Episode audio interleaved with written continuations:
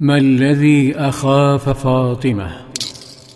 ربما كانت فاطمة تطوف بالكعبة وربما كانت تعبر المسجد الحرام في طريقها إلى المنزل لكن كلمات جذبتها فجعلت خطواتها تتباطأ شيئا فشيئا حتى أوقفتها أسرتها جعلت دقات قلبها تتسارع وقلبها يرتجف ثم انطلقت خائفة مذهولة تسرع ودموعها تسابقها على خديها تفتح الباب وتعانق أمها خديجة وأنفاسها تتسارع والنشيج يقطع كلماتها.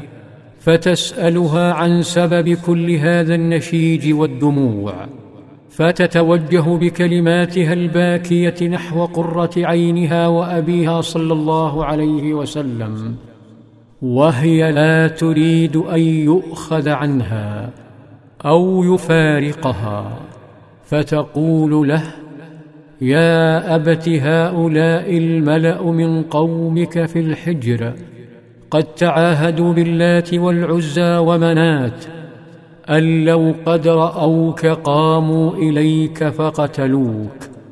فليس منهم رجل إلا وقد عرف نصيبه من دمك.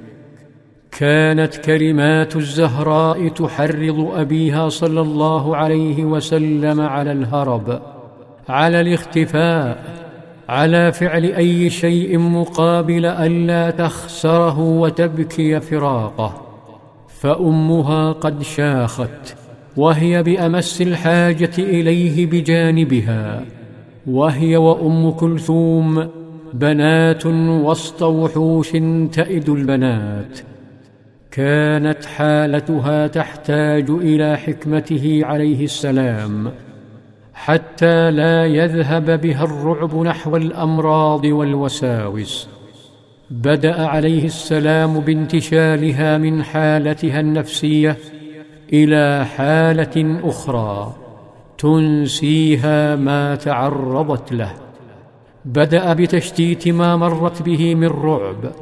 طلب منها طلبا غريبا سحب ما بداخلها من كلمات الوثنيين. فقال صلى الله عليه وسلم لها يا بنيه أدني وضوءا. جفت دموعها وأدخلها الطلب الغريب عالما آخر فتحركت متسائلة لتحضر الماء ولما أحضرته صبت له فتوضأ وهي تنتظر ما بعد الوضوء.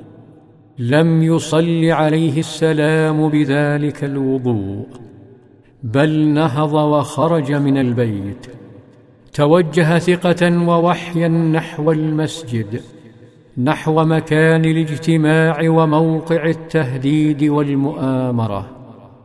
أقبل عليهم فلما رأوه رفعوا أبصارهم فقالوا وكلهم عزم على تنفيذ الجريمة. هو هذا. لكن بدلا من أن يقوموا ليغمدوا سيوفهم في جسده الطاهر حدث شيء أخاف المشركين وأبهج المؤمنين. فالذين كانوا يزبدون ويرعدون قبل قليل قد تحولوا إلى خراف ترتجف ذلة وصغارا. خفضوا أبصارهم وعقروا في مجالسهم فلم يقم منهم رجل.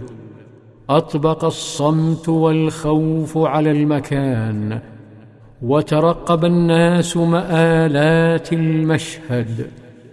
فانحنى عليه السلام نحو الأرض بهدوء ومد يده وأخذ بقبضته بعض التراب ثم قام على رؤوسهم فحصبهم حصبا وقال شاهت الوجوه ثم تركهم وهم حالة من الخيبة والعار وغادر صلى الله عليه وسلم المسجد وهو هالة من الهيبة والوقار.